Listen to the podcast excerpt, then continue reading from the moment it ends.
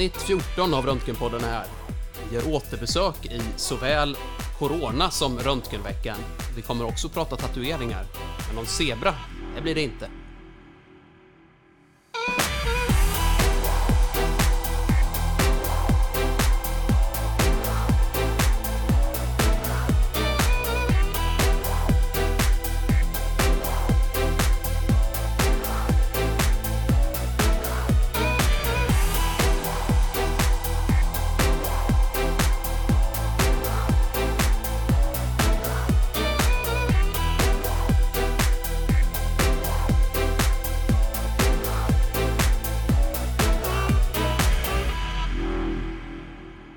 Hej Jörgen! Hej Per! Du, eh, när vi satt och planerade det här avsnittet så nämnde du i förbegående att du hade läst eh, feedback på olika poddare där kommentatorerna hade skrivit att de var trötta på att det var personligt snack i början. Det var inte det man lyssnade för. Ja, det stämmer. Jag, jag har läst sådana kommentarer, men det är ju naturligtvis bara kommentarer om andra poddar än vår podd. Ja, jag tänker det. Vi är väl förmodligen mer intressanta. Då. Det utgår jag från. Ja, så, så jag, jag kan fråga vad du har gjort i sommar rent då? Eh, det kan du göra, absolut. Eh, vad har jag gjort i sommar? Ja, men det har varit lite blandat. Eh, det har inte varit någon lång sammanhängande semester utan varit lite interfolierat med arbetsveckor. Där jag åkt iväg och hyrjobbat enstaka veckor och sådär. Eh, men annars så har vi varit på, eh, på Gotland en del och pysslat hemma en del, renoverat lite rum och sådär. Det är egenföretagarens sommar. Den är uppsplittrad på Lite så. Ja. Precis. Ja, själv då? Jo då, jag har ju haft en eh, mindre fragmenterad semester, i alla fall vad gäller ledigheten. Däremot har vi farit runt en hel del, så att det är samma, eh, samma sak där. Jag har, eh, jag har börjat spela paddel sent om sidor. Mm. Just Eh, det. det finns nästan någon lag som kräver att man ska göra det om man är svensk medelålders man och, och blivit biten av, av det. Så Just det. Men eh, hälsenorna i behåll än så länge. än så länge, jag har några år till 40. Vi får se om de håller dit. Ja, det får vi hoppas. Men nu är eh, arbetssäsongen igång igen, eller hur? Ja, så är det ju. Mm. På gott och ont. Ehm, men det känns ändå som att eh, barnen behöver lite aktivering och träffa fler jämnåriga än lekkamraterna och ha lite struktur i tillvaron. Så att det, det kan nog gälla oss vuxna också förresten. Ja. Så att det är rätt skönt tycker jag. ja, men det är rätt skönt att få lite rutiner och ramar för sin, eh, sin, sitt dagliga le leverne faktiskt. Så är det. Du är igång och jobbar också. Jajamän, det är jag. Absolut. Och du eh, hade varit med på röntgenveckan, eller hur? Eller, Jag har ju det. Det blev ju en speciell röntgenvecka i år, eller röntgendagar. De blev ju två stycken till antalet då i en slimmad och digital version. Just det. Och du var med och lyssnade lite där då, eller? Ja, vi hade en, eh, ett litet schema då där man skulle gå på vissa pass eh, allihopa. Så det, det var lite fram och tillbaka, men jag, jag lyssnade lite på bland annat den här Forsell-föreläsningen. Jag vet inte om du känner till det konceptet, men den är ju då alltså eh, ett moment som är stående på röntgenveckan. Ja. Som har fått sitt namn efter den första professorn i radiologi vi hade. Mm. Som hette just Forsell då. Just det. Och eh, som det vad jag förstår är en stor ära att hålla och i år så var det Anders Persson på CMIV som höll den. Precis. Han har ju till och med varit gäst i podden, eller gäst, men han har blivit intervjuad i podden i avsnitt 6 tror jag det var, när vi var i Almedalen och eh, diskuterade artificiell intelligens med honom. Ja, ja men precis så var det och det var ju lite roligt. Det, det kom han in på nu också. Hans eh, tema för föredraget var ju röntgen förr, inte så mycket nu Mm. och i framtiden. Ja. Eh, men han kom in lite på det här med AI också. Bland annat så citerade han då någon forskare som 2016 hade föreslagit att eh, vi kan ju lika gärna sluta utbilda röntgenläkare nu för att nu kommer AI slå igenom och snart har vi ingen nytta av dem ändå. Just det. Just det. Men där har han tydligen då, den forskaren, fått äta upp ett antal gånger sedan dess. Ja. Så nu hade, hade Anders eh, åsikten att i framtiden kommer radiologer som använder AI-verktyg att konkurrera ut radiologer som inte gör det. Just det. Trodde han mer. ja, men det låter ju ungefär som budskapet han hade när vi intervjuade honom då i, i avsnitt 6 som jag nämnde. Eh, jag, jag frågade honom då hur stor risken var att man skulle bli utkonkurrerad och arbe, gjord arbetslös av, av AI, men budskapet var som jag minns det, precis det du, det du sa nu, att eh, radiologer som förmår att, eh, ta, ny, att ta hjälp av AI framöver kommer ha en eh, fortsatt plats på arbetsmarknaden, som tur var. Ja, och det kan vi ju leva med. Det andra scenariot var ju lite värre. Ja, precis. Onekligen. Ja. Nej, men så var det lite smakprov också från forskningen på CMIV, något väldigt eh, sekretessomgärdat projekt, bland annat med någon CT med någon helt ny teknik som skulle ge en, en eh, överlägsen upplösning. Han visar bilder på, jag tror det var hörselbenen på något barn med Mhm. Fantastisk skärpa. Så att det antar jag att det, är någonting vi kommer att få höra mer om, men Ja. det är nog inte på, på den kommersiella marknaden än. Vad häftigt. Väldigt. Ja, men spännande. Inga andra spaningar som det heter som han kommer inför framtiden och vad vi kan förvänta oss inom radiologin. Det var ju en bra fråga. Det gjorde han säkert. Det här var mer det som var top of mind när jag Just tänker det. tillbaka till det. Precis. Mhm. Ja, var du med på några andra evenemang under röntgenveckan också eller? Enstaka. Mm. Jag tittade in lite på, på studierektorsmötet och såg hur de pratade utbildning. Det här med BT som, som kommer nu. hur Just man ska få in eh, det i systemet och hur man parallellt ska kunna hantera dels AT och dels BT-läkare och dessutom eh, när vi får nya specialistkriterier då. Mm. Eh, Men det, det var nästan fler svåg, frågor än svar där. Studierektorerna verkar själva inte helt övertygade om hur det här skulle göras. Ja, spännande. Själv ser jag fram emot nästa steg i utvecklingen av eh, eh, läkarnas eh, utbildning. Alltså vi har haft AT, nu är det BT och sen kommer ju CT. Så att, eh, och efter det är DT, så att det blir ju... Då är det hemmaplan. Då är det hemmaplan. Jaha Per, ska vi vara lite vetenskapliga också då? Ja, det är väl på tiden. Jag vet inte om vi har haft vetenskapliga artiklar i de senaste. Jo, det hade vi. Vi pratade om mätning på, på uretärstenar, va? Var det senaste avsnittet? Ja, just det. Det gjorde vi. Precis. Men nu har du satt en annan artikel i näven på mig här. Ehm, och en, en som heter Radiological Management and Follow-up of Post-Covid-19 Patients från en tidskrift som heter Radiologia. ja på precis. spanska. Spanska författare, men översatt till engelska, lyckligtvis. Ja, lyckligtvis. Precis. Hur kom det sig att du eh, eh, fick händerna på den här? Jo, men det här var ju på, på, det, på det sätt vi bonaradiologer gillar att arbeta med vetenskapliga texter. Alltså, vi tar avstamp i ett problem i vardagen. Jag satt och tittade på någon undersökning, en CT-buk, eh, på en patient där ju problemet var någonting helt annat än andningen. Och sen då vid den här allmänna granskningen av, av bildmaterialet som man ju gör när man har besvarat frågeställningen så fick jag se eh, ganska utbredda lungparenkumförändringar som såg rätt märkliga ut. Ja. Och eh, då började jag läsa lite och eh, ja, det visar ju sig då att den här patienten hade ju haft eh, covid Ja. för ett par månader sedan. Och eh, då insåg jag att vi vet ju hur covid ser ut i det akuta skedet, men vad hände sen? Precis.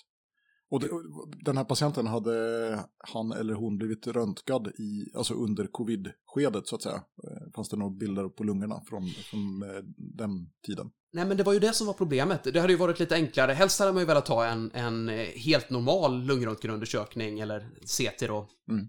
från två år tillbaka och ett par som visade själva sjukdomsförloppet, men varken Precis. eller fanns ju, utan Okej. vi hittade helt enkelt lungparenkumförändringar på den enda undersökning som avbildade lungbaserna och då var liksom frågan, kan vi skriva av det här som restförändringar efter covid, eller ska man? Just det. Men hur sjuk hade den patienten varit vid eh, covid-tillfället då? Var, var personen inlagd eller hur?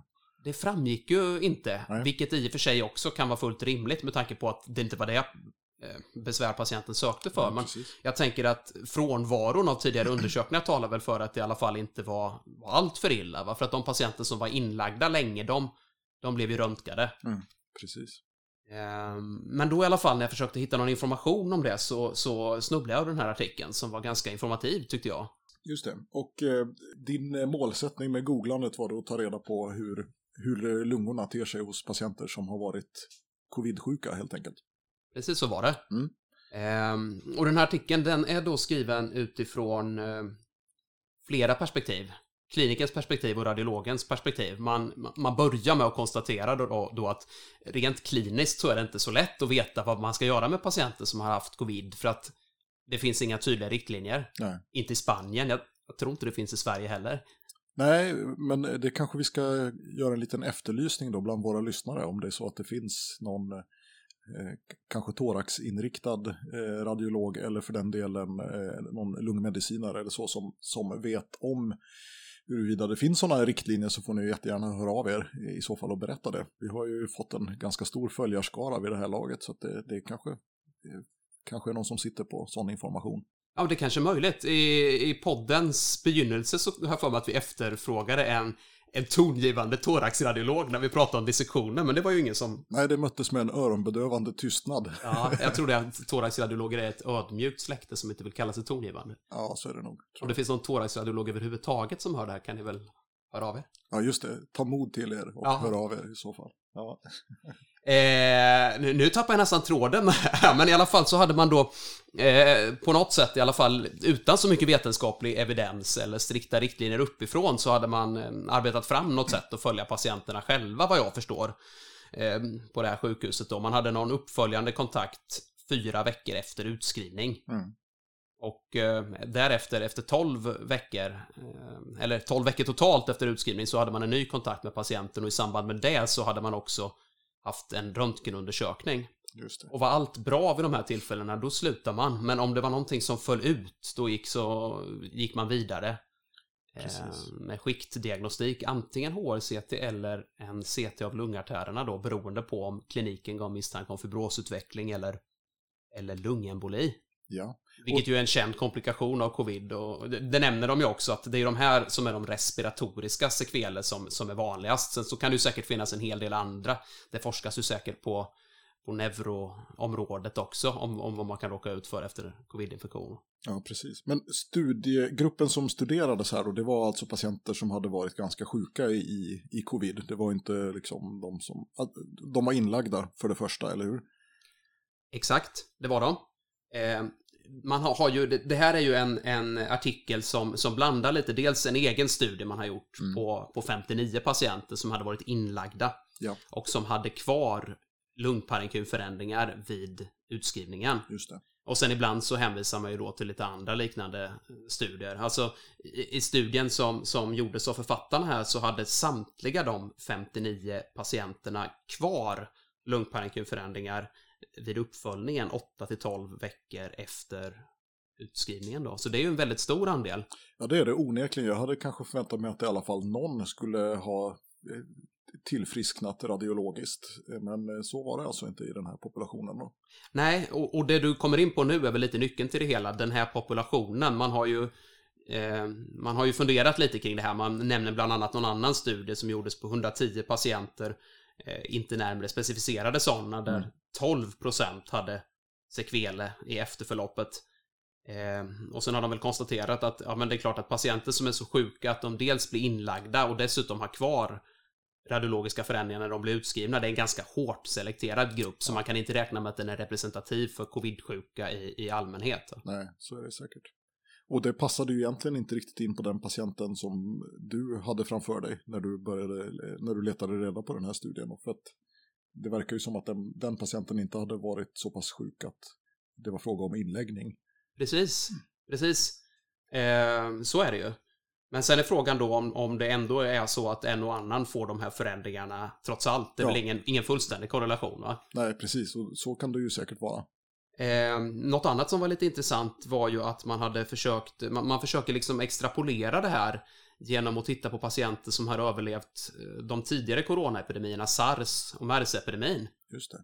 Eh, bland annat någon studie som man tittar på så, så hade man studerat överlevare från sars-epidemin och eh, 12 veckor efter tillfrisknandet så hade 36% av dem restförändringar. Mm. Det är ju kanske inte så jämförbart. Jag har ju för mig att de som fick sars i högre grad var allvarligt sjuka än de som har fått covid. Ja, och sen är ju frågan i vilken grad som de tillstånden gav lungförändringar på, eh, alltså röntgenologiska lungförändringar eh, överhuvudtaget. Eh, om det kun, kan mäta sig med de ändå ganska tydliga och utbredda förändringar man ofta ser vid covid då.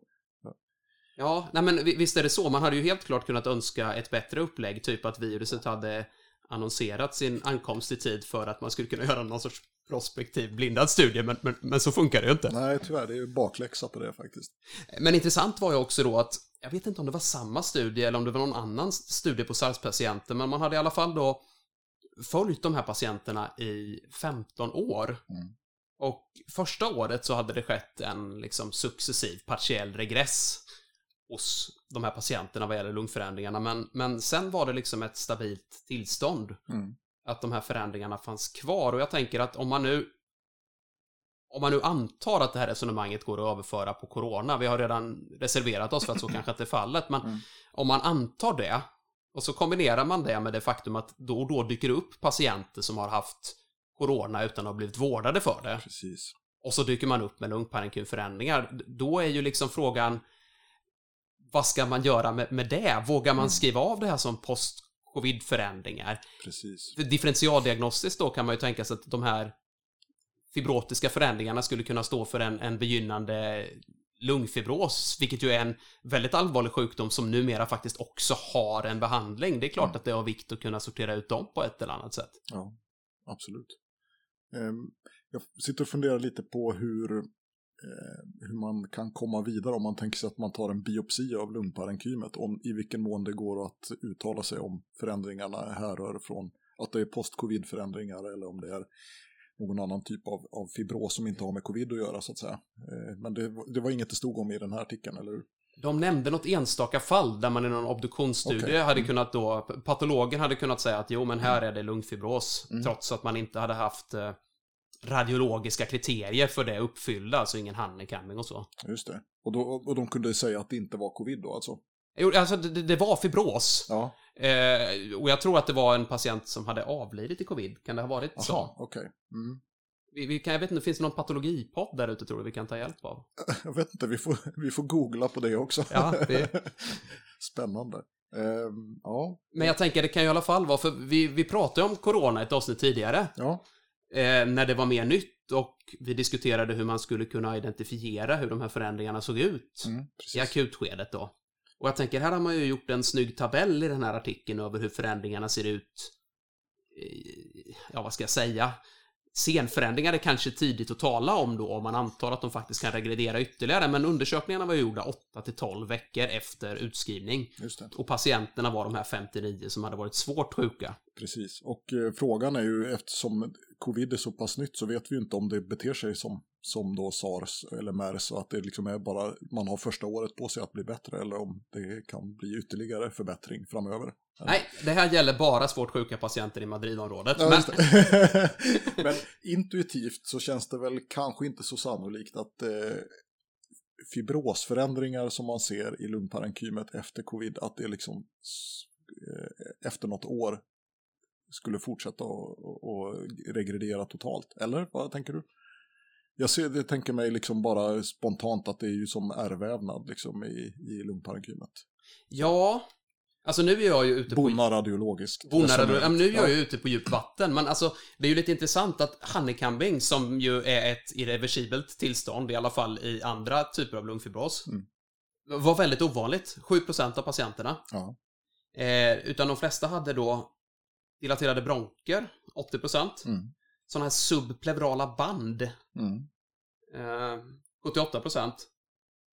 Eh, subpleural interstitiellt engagemang, inte honeycombing. Mm. Vilket väl lämnar lite utrymme för tolkning av vad det var, men det var också ett vanligt fynd, 66% av fallen. Och del hade liksom pneumatoselen och sådana mer stora förändringar, men det var ju ovanligt det också. Och ground glass fanns det också. Ja. Det låter ju lite som, som fibros det, tycker jag. Ja, det gör ju det. Och som sagt, eh, alltså, jag har ju gått på den här utmärkta föreläsningen som finns av, eh, vad heter nu författaren till svenska HRCT-boken? Eh, ja, det blir ju pinsamt om vi inte kan det. Inte Fredrik Almfors och eh, någon till. Vi får redigera hårt här sen om vi nu säger fel. Men eh, så var det väl. Ja, jag har ju gått på den föreläsningen ett antal gånger och jag har för mig att även om jag inte jobbar med thoraxradiologi till vardags då, att man skiljer på den här NSIP-varianten och den här eh, UIP-varianten där den sistnämnda har honeycombing som kriterium. Det här låter ju lite mer som den förstnämnda, men jag känner att nu, nu, nu börjar jag liksom svära i den bonaradiologiska kyrkan, utan jag tänker att min uppgift mer är att identifiera de här och, och fånga in dem och säga att det skulle kunna vara. Covid. Precis, vilket leder oss till eh, konklusionen då. Hur, hur hanterade du den här patienten då som du inte visste säkert om det var post-covid-förändringar eller någon annan? Ja, men jag frågar ju en kollega som jobbar mer med thorax än jag gör. Mm. och precis som jag så sa hon att jo men det är nog covid-förändringar men här är ju lite konsolidering och hade det varit en annan pneumoni hade vi ju velat följa upp det så det är ju bäst att vi, vi gör. Just det. Så här behövs ju mer bilddiagnostik och säkert mer forskning också. Säkert mer forskning. Jörgen, du hade hittat en zebra men du var osäker på om det var förenligt med svensk lag och, och, och berätta om den, eller hur, hur var det? Ja, det, det, var, för det första var det inte jag som hade hittat den utan jag hade tagit del av den via en, en kollega och eh, det var ett sånt här fantastiskt fall med en, en väldigt udda kombination av tillstånd men som blir på den nivån att eh, det kan inte finnas mer än någon enstaka person i hela landet som har råkat ut för den här kombinationen. Då, då blir det nästan som att det går inte att berätta om det. För att om den personen eller någon i personens närhet skulle höra på beskrivningen så har man ju sagt för mycket i förhållande till, sekret till sekretessen. Tänker jag. Har du varit med om det någon gång? Att du har liksom tänkt att det här var ju häftigt, det skulle jag vilja berätta mer om. Men det är så pass...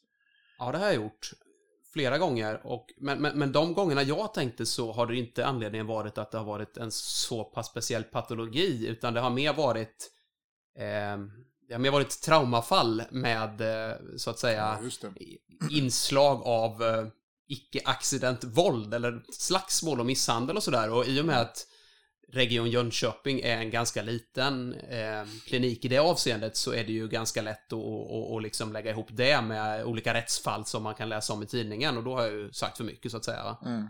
Ja, jag, jag, tror inte jag ska säga något om, om den zebran just, medan alltså om, jag ska försöka hitta på någon, någon motsvarighet, liksom.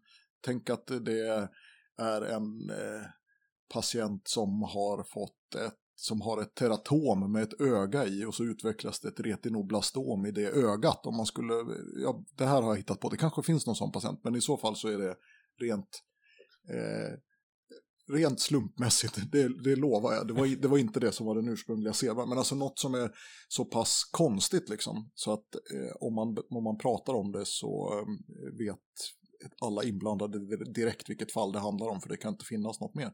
Jag tycker det är lite intressant faktiskt hur hur, hur man ska hantera det. Eh, jag tycker spontant så känns det ju inte som att man kan ta upp ett sånt fall och diskutera som om det var ett fall vilket som helst. Nej, det tycker inte jag heller, men jag tänker att det borde också finnas en tidsaspekt på det. Eh, mm. Kanske inte ditt retinoblastom, för det händer väl en gång per miljon år, så den patienten fortfarande kanske skulle gå att identifiera om, om ett par år. Men, men eh, alltså, de här eh, rättsfallen blir ju tyvärr ganska många nu för tiden, ja. läser man om. Så att om det är en skottskada som, som, eh, som eh, ger en intressant radiologisk bild av en eller annan anledning så går det ju förmodligen inte att räkna ut vilken det är om jag två år från idag skulle stå och föreläsa någonstans och inte berätta vad jag hittat bilden eller så. Nej, och det är ju mer en effekt av att det, det tyvärr inte är så unikt längre som, som det kanske var en gång i tiden. Men det, eh, om det blir vanligare med retinoblastom i teratom så kanske man kan prata om det också. Mer. Då kan du komma ut med den historia. Ja, precis. Men, eh, ja, men samtidigt så eh, om man nu skulle ha ett sånt här eh, jättekonstigt fall så att skriva en case report, det kan man ju göra. Och det, det räknas ju inte som att man liksom sätter patientsekretessen i, i fara. Eller? Ni kanske får skriva ett sånt här fall på Radiopedia du har ja. väl haft dagens fall där med den där dissektionen i arteria lusoria här för mig? Ja, precis. Ja, det är ju, en det är ju verkligen en udda kombo ja. faktiskt. Um, men den här diskussionen är ju intressant också, alltså även när det inte gäller sådär superunika fall, men liksom i vilken mån kan man dela med sig av fall på sociala medier och så. Vi gör ju oss skyldiga till det lite grann när, när vi diskuterar zebror i den här podden, men är det liksom alltid helt oproblematiskt då, tänker du? Det är ju en jättebra fråga. Mm. Eh, det finns väldigt mycket i sjukvården som är problematiskt om man skulle, skulle pröva det i rätten, tror jag. Mm. Mm. Det var ju något fall här om året där det var någon som hade varit inne i en eh, journal, har jag för mig. Man hade följt upp något fall man varit delaktig i för att se hur det gick för patienten. Mm. Vilket ju, vad ska jag säga, ur mitt rent personliga moraliska perspektiv inte några som helst problem, men då då hade man ju kunnat få det till att man hade gått in i journalen på en patient där man inte längre deltog i vården och att det, det. alltså skulle bryta sekretessen då. Mm. Eh, jag, jag, tycker att när det gäller sådana här frågor så, så, känns det som att det är inte så svårt att sätta en moralisk gräns, men det är alltid mycket mer komplicerat att pränta ner det i en lagtext. Ja.